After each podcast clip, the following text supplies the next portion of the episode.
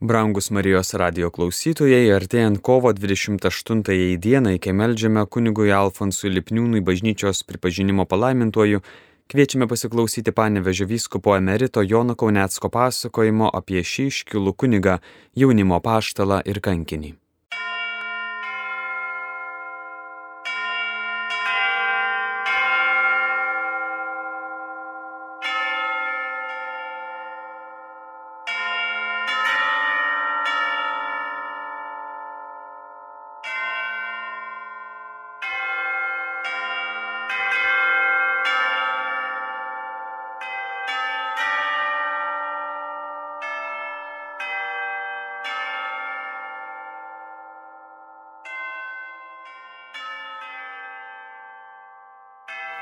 Lietuvos istorijoje jau labai seniai domimasi Lipniūnu, tiesiog nuo jo net ne nuo žuties, nuo jo darbo su ateitininkais prieš kario Lietuvoje. Bet e, aš, kai atvažiuoju į Panevežio viskupiją, susidomėjau, kodėl jo byla nepradėta. Tuo labiau, kad man dirbant Telšių viskupijoje, e, jau viskopui Borisevičiui bylą pradėjo 1990. Kad pradėti bylą, tai reikia pirmočiausia truputį surinkti medžiagos ir rašyti raštą į Vatikaną, kad duotų leidimą. Pagrindinius dalykus surašai ant vieno lapo, ant dviejų ir tada duoda leidimą pradėti bylą ir nuo to laiko jau vadinasi Dievo tarnas arba Dievo tarnaitė. Tai mes tą padarėm 2006 metais. Ir nuo to laiko labai smulkiai po archyvus, po Lietuvos archyvus, po Vokietijos archyvus, žmonių nuomonė, žmonių liūdėjimai, nesvarbu ar Lietuvoje ar Amerikoje esantis. Visur smulkiai renkami apie jį liūdėjimai, apie jo gyvenimą, apie jo veiklą, apie jo nusiteikimus, apie jo studijas. Ir štai visa jau yra surinkta. Jau kelios dėžės pilnos medžiagos. Ir tada e, bažnytinis teismas e, šiam tikslui sudarytas paskelbė, kad mes pabaigėm darbą, tai užanspauduojamos dėžės su dokumentais ir išsiunčiama į Vatikaną. Ir jau savotiškai žmonėms laimėjimas, nes kai mes atidarėm bylą 2006, Katedra buvo pilna. Matėsi, koks žmonių troškimas.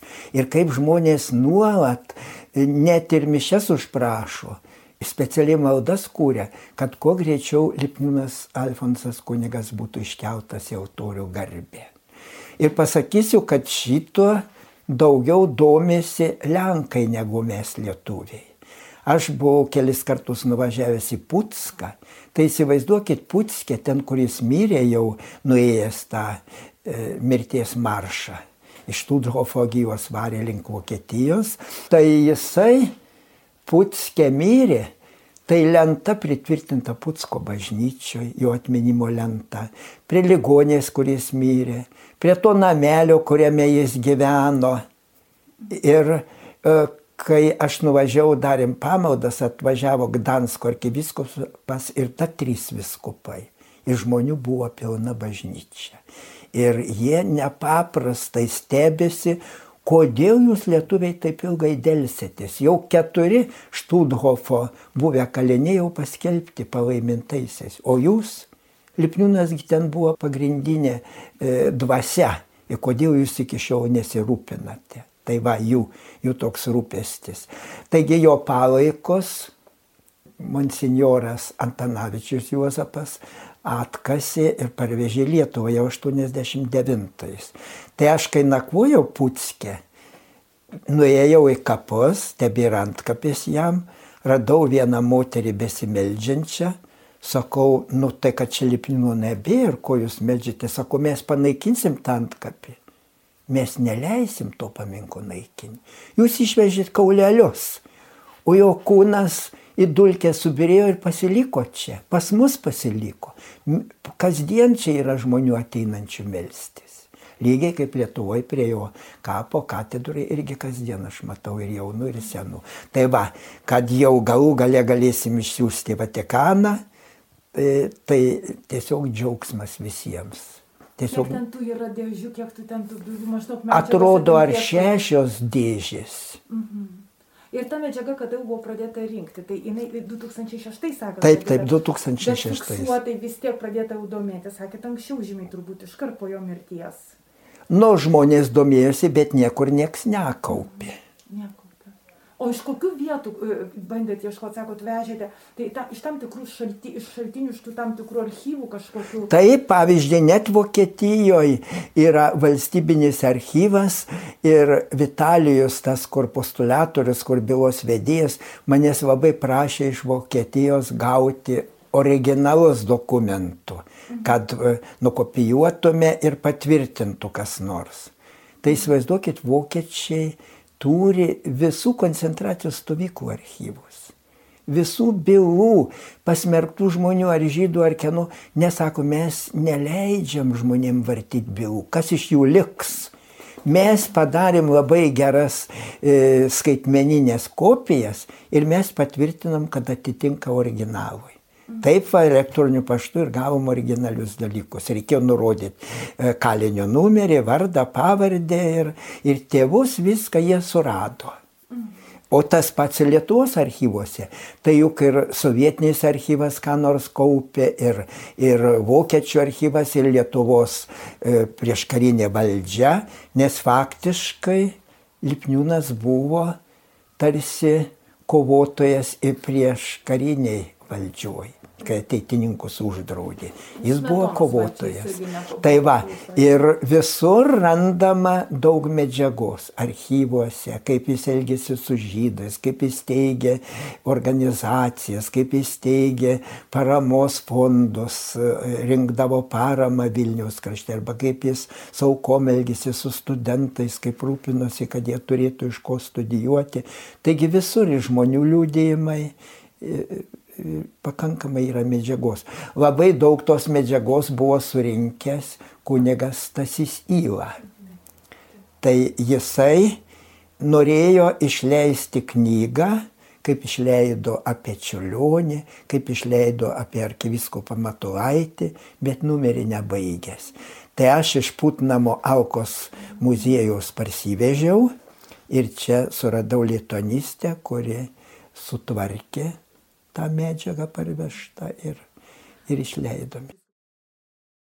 Nu tas dalymasis, nepaisant savęs, kai jis besvyrė 45 kg, gavė siuntinį Študhofe, arba kai ėjo peščiom į, į Vokietiją tame žygio maršė.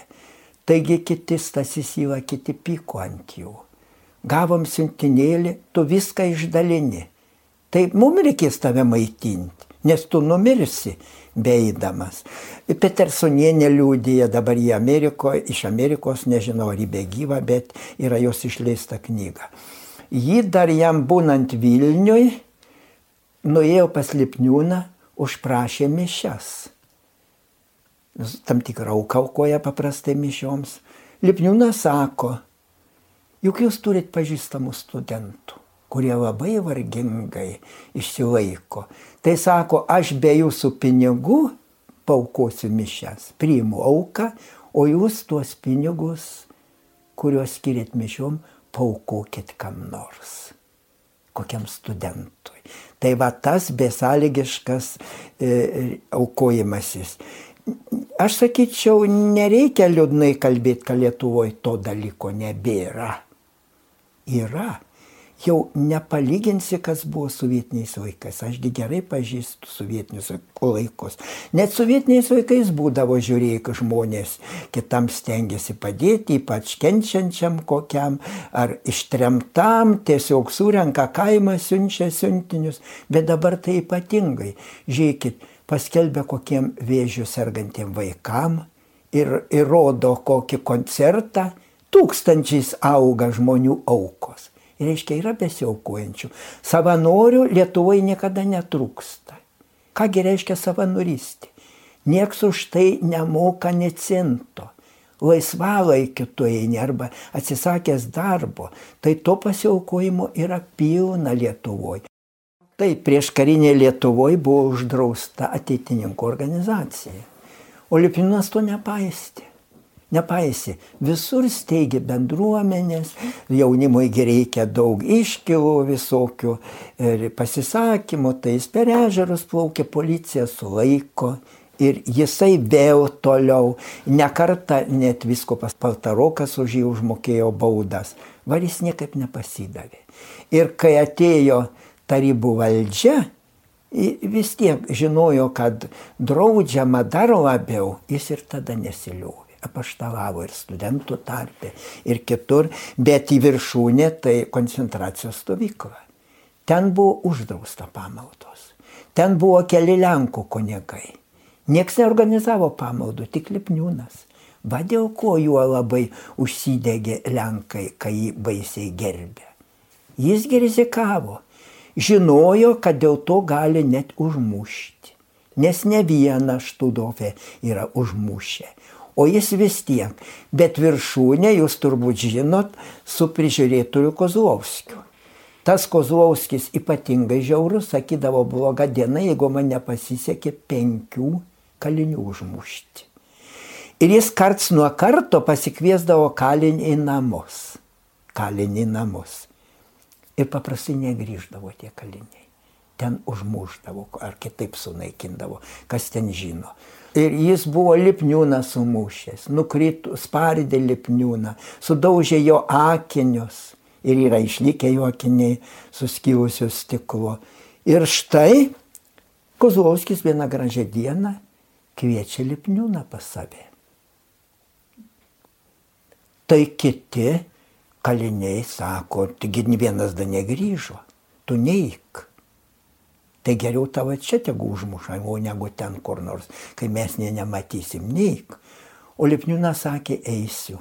Bet dar reikia prieš tai paminėti, kai jis taip Kozlovskis užmuždavo kalinių, tai kaliniai buvo susitarę Kozlovskį užmušti. Sako, patikiosim, vienas mauks, kitas pardėsim, ar pagalį kokį nutvėrė. Lipniūnas kovojo už Kozlovskį. Neturi teisės. Dievo įsakymas nežudyk.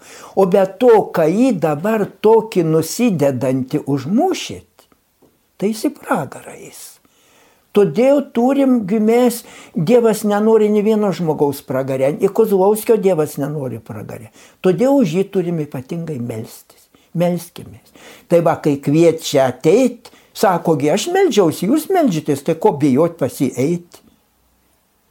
Ir įsivaizduokit, grįžta Lipniūnas verkdamas. Sako, Kozlovskis pas mane atliko išpažinti. Tai atsivertimo ženklas. Tai va, kaip laimi visiškas pasiaukojimas, kovojimas už žmogų, net blogą žmogų.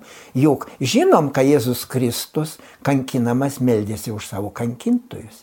Tėve, atleiskiems, nes jie nežino, ką daro. Jo mokinys apaštalas Steponas, kai jį mušė akmenim, vėl meldys už kankintojus, tėvė, Dieve, tėvė, nepaskaityk jiems to už nuodėmę. Tai va taip ir lipniūnas.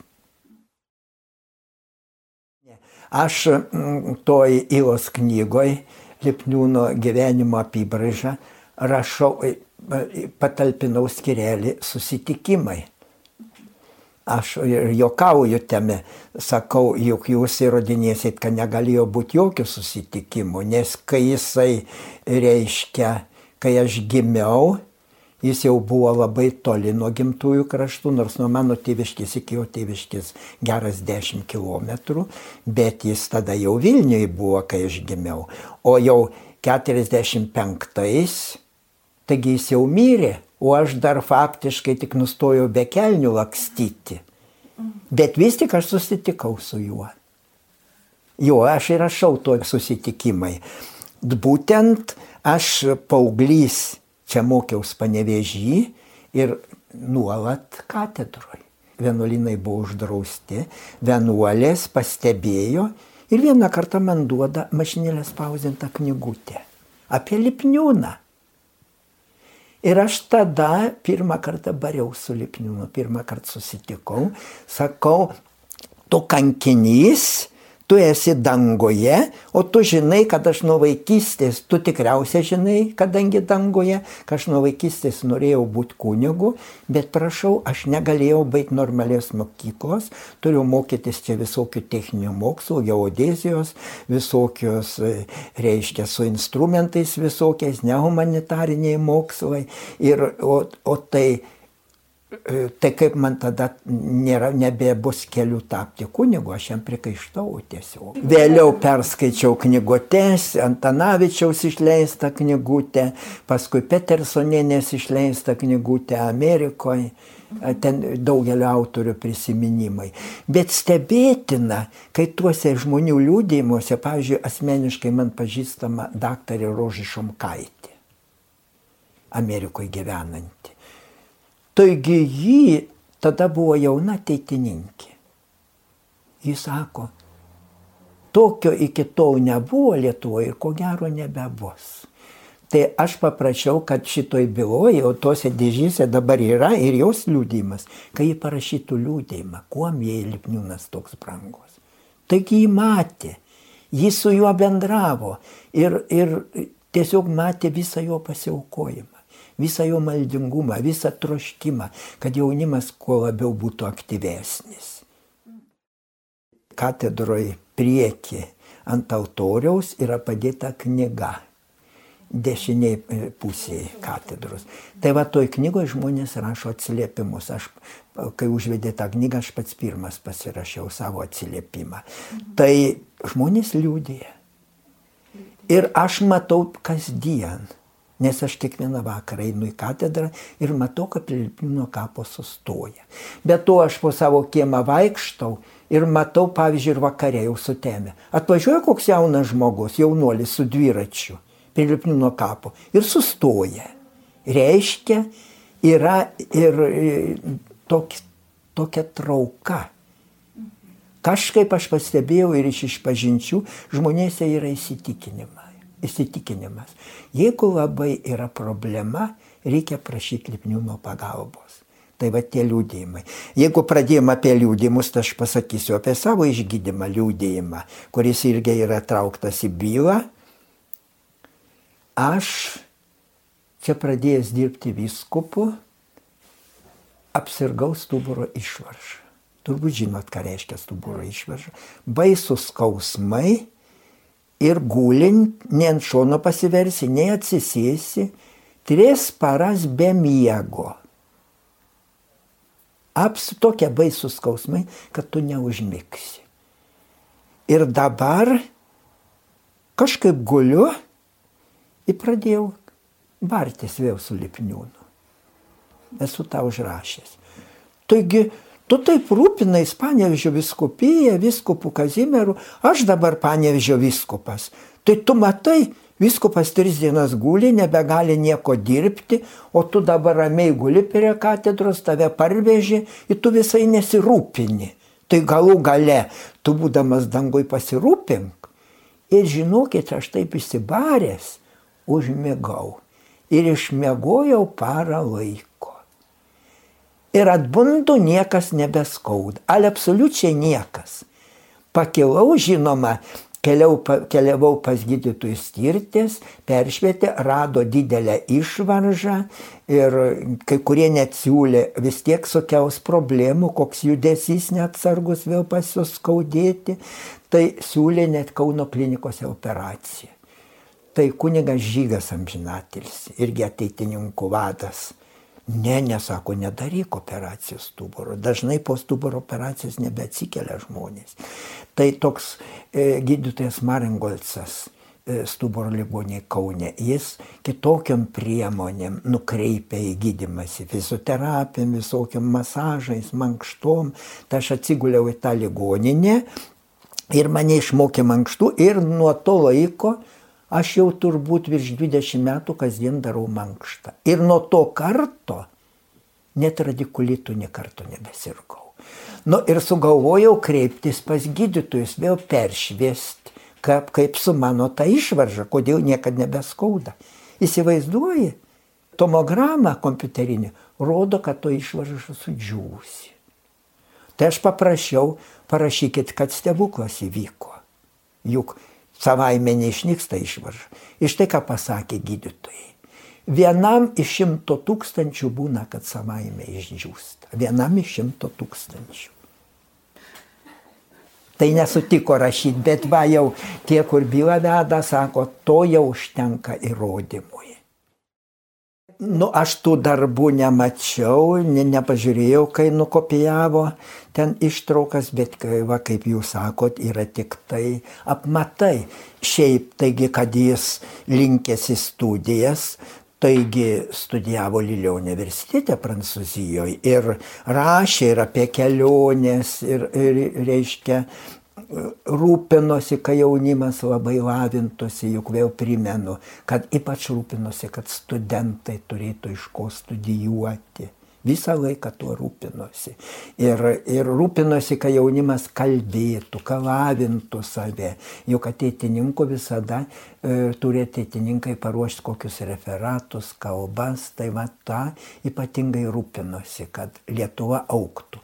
Nu ir tą jo sugebėjimą įsigilinti aukštesnius dalykus, pastebėjo ir viskupas Kazimieras Paltarokas. Jau nepaslaptis planavo jį padaryti savo pagalbininkų su laiku viskupu padaryti. Tai reiškia, tokių tiesiog įrodymų yra. Būtent iš Lipniūno mokytis kovingumo už savo, pirmačiausia, sura, nustatyti savo idealus. Ne, nesakykim, kad dabar jaunimas labai materialus, savanaudiškas.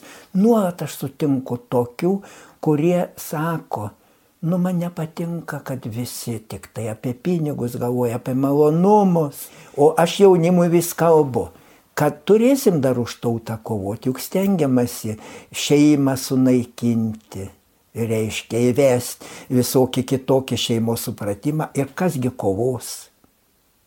Tik tai jauni gali ateiti kovo, tie, kurie dabar jauni. Tai va pritarė, yra tokių pritarančių. Ir va dabar vakar, tai aš vedžiau švento Antano atlaidus telšiuos, irgi sutikau jaunų žmonių, kurie man dėkoja, kad aš įsijungiau. Tarp kitko telšiuos aš buvau tikinčio teisėms gyti komitetas, subūriau Euharistijos bičiulių būrius, tai jie žinojo mano pasiaukojimą. Ir kartais jie klausia, iš ko tu mokėjai? Sakau, iš tų, kurie aukojosi, aš ir iš Lipniūno mokiausi. Pavyzdžiui, su saugumo bendrauti, aš mokiausi iš Lipniūno. Nes kai jį nubausdavo policininkai, eiliniai policininkai, jis važiuodavo per Lietuvos policijos valdžią. Aiškintis, kodėl baudžia mūsų šalis demokratinė, ar ką aš padariau blogo, kas ką aš su jaunimu buvau, a demokratija draudžia būti jis kovodavo. Taip kitko, kai mane paskyrė į Skaudvilę klebonų, aš žiūriu ten, kadangi rajono pakraštys labai daug atveža krikštyti, tuoktis, o bažnyčia. 84 pradžia. Daug šaltoj bažnyčia, galvoju, tuokėsi pusnuogiai, vaiką krikštė, šalta. Reikia būtinai kitiem metam padaryti apšildymą. Kreipiausi į rajono valdžią paminklinė bažnyčia, architektūrinis paminklas, negalima nieko statyti. Tai ką aš padariau išlipino mokydamasis? Nuvažiavau pas Lietuvos saugumo viršininką į Vilnių. Ir sakau, tuo labiau, kad aš jau buvau Svarinsko Tamkevičiaus byloje tardytas, tai man jau ne, ne nauja pažintis. Sakau, Nu va, neleidžia apšildymo padaryti, sakau, nenustepkit, kad atsiras kronikoje ir visas pasaulis kelbs, kad tyčia Lietuvoje šaudomi tikintieji. Įsivaizduokit, kas atsitiko. Saugumo viršininkas iš karto surinko telefoną, paskambino į paveldą, duokit leidimą skaudviliai rengti apšildymą. Bet dar daugiau, ką jis ten sugalvos tas kunigėlis, jūs suprojektuokit, kaip nepažeidžiant paveldo pastatyti, įrengti apšildymą. Žinoma, baisiom sąlygom ten supra, sus, suprojektavo požeminę katilinę šalia bažnyčios. Tik kaminas turėjo išlysti. Bet jie suprojektavo. Va, ir aš jaunimui visada pabrėžiu ir ačiū Dievui supranta jaunimas. Reiškia, pirmučiausia reikia nusistatyti, kam aš gyvenu, kad tas malonumai ar e, greit praeina, arba turtai vėl, kas iš jų dažnai jausis nelaimingas, tai reikia būtent savo turėti nusistatymą ir už jį kovoti, ne tik už savo, bet ir už tautos reikalus, ir už tikėjimą, jeigu reikalas bus. Yra Lietuvoje pasiaukojančių. Pavyzdžiui, ir kronikai medžiagą renkant, arba Euharistijos bičiuliai, juk kryžių kalną tvarkydavo. Kryžių kalnas visada buvo tvarkingas, dabar tai nuolat netvarkingas. O tadagi laisvai juos gaudydavo, eidavo iš Titovinų, didžiausia eisena susidarydavo iš Titovinų Šilovą, juosgi gaudydavo. Kelmiai dabokliai man, mano auklėtinių daug yra uždarę. Ir vis tiek kitais metais vėl bando eiti. Reiškia, yra tokių. Dabar gal iš dalies atrodo mažiau, bet dabar tokio pavojaus nėra. Jeigu kils pavojus, galų galiai tas šeimų didysis maršas parodo kai pajuto žmonės, kad mūsų teisės jau pažeidžiamos, jis sukylo. Aš žaviuosi ne tiek to maršu ir rašiau ir savo raštą ir palaikau, bet dar daugiau žaviuosi, kaip tą maršą žmonės išlydėjo. Juk visur pakelėse ant vedukų, su gėlėm, mėtė ant po mašinom gėlė, su vėliavom stovėjo, dainavo, šaukė, reiškia, yra kai tauta pakyla, kaip, kaip sausio 13, taip ir, ir dabar va, tokie ženklai rodo, kad jeigu ta laisvės partija labai spaus, kad ten partnerystė ar Stambulo konvencija, tauta vis tiek kils. Ašgi pamokslus, kaip sakydavau, tarybiniais laikais. Ar žinot kaip? Mane dabatkėlės pūdavo. Kunigėlį, tu daugiau apie Dievą kalbėk. Tu amžinai kalbi iš e, komjaunimo tiesos, iš moksleivio, aš ten surenku faktus, kad girtavo, kad susimušė, aš paskaitau tą ir saklausiu tikintieji, broliai seserys. Kaip Jūs galvojat, ar tas jaunimas taip darytų, jeigu būtų tikintis, laikytus kaip Jūs tikėjimo? Jie šaukia, ne, ne. Nu, žinoma, mano bendramžiai kunigai mane nutarė pravardžiuoti. E, tokią pravardžią man sugalvojo. Vardant Dievo tėvo ir sunaus iš šventosios dvasios, kom jaunimo tiesa vakar rašė. nu teisingai, nes man tiesiog ne pavardant Dievo iš karto prasideda kokia, kokia ištrauka. Bet vėl aš mokiausi iš Lipniūno šito. Juk kai atėjo sovietai 40-ais, Lipniūnas iš Švento Jonų bažnyčio sako. Aš tai noriu pasidžiaugti Stalino konstituciją. Tai Rožį Šomkaitė Petarsuninė sako, net apmirėm, galvojam, nu dabar priešnekės jį tikrai suims. O jis sako, žiūrėkit, konstitucija rašo, kad tikėjimo laisvė garantuojama visiems. Mums niekas neturi teisės, jeigu čia kas nors vietiniai ką nors draustų, reiškia pažeidžia Stalino konstituciją. Toliau Stalino konstitucijoje parašyta, kad tėvam leidžiama mokyti vaikus. Kaip sako, gerai, juk nieks taip neišmokys kaip tėvai, mes kunigai, kai mokom, tai čia išmoko, čia užmiršo, o tai sako, va. Ir aš sako, dabar žiūriu į jūs bažnyčią, ištiesi ranką, Tai sako, jūs kaip tik daugiau einat bažnyčio samoningiau, tai va ačiū Stalino konstitucijai. Ir ar galėjo teist, ir mane ar galėjo teist, ką aš citavau, e, aš jau atkreipiau dėmesį, kai suėmė Svarinską Tamkevičių. Tai juos pagrindę kaltino, kad jie šmeižia tarybų valdžią, kad jie nori nuversti tarybų valdžią. Aš galvoju, ne, mane šitaip neapkaltino. Jeigu aš cituoju tarybinę spaudą, kaip tu mane nuteisi? Aš aštuonis įspėjimus gavau už tendencingą citavimą tarybinių rašytojų, tarybinės spaudos, bet už tendencingą, o vis tik už citavimą. Neapkaltinsi mane, kad šmeištas. Aš paėmė iš laikraščių medžiagą. Bet šitą visą mokiausi iš Lipniūno. Tai va, Šeduikis sako, tu tokį kovotoją čia esi ar vaizduoji, tai nieks čia negalvoja, kaip atnaujinti tą procesiją. Tai tu su tai savo Eucharistijos bičiuliais paimk ir atnaujink.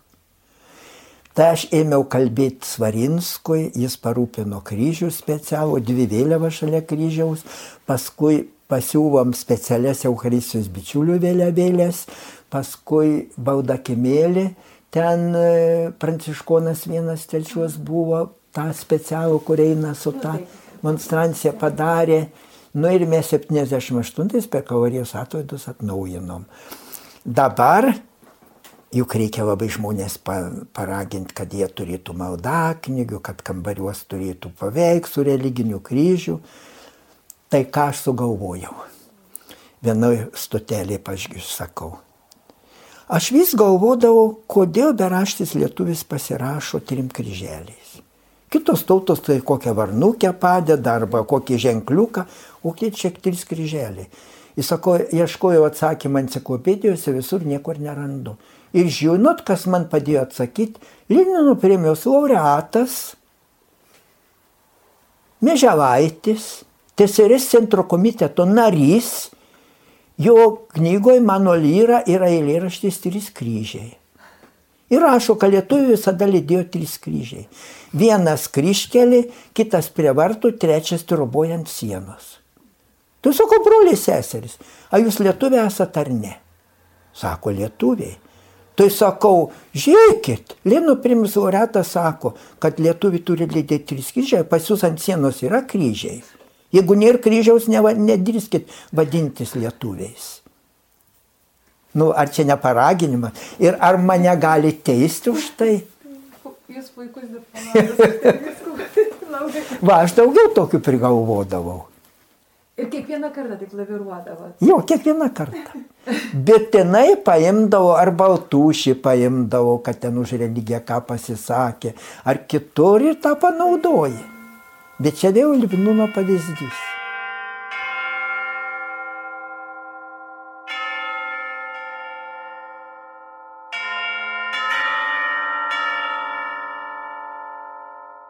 Šioje laidoje apie kunigą Alfonsą Lipniūną pasakojo panevežio vyskupas emeritas Jonas Kauneckas. Likite su Marijos radiju.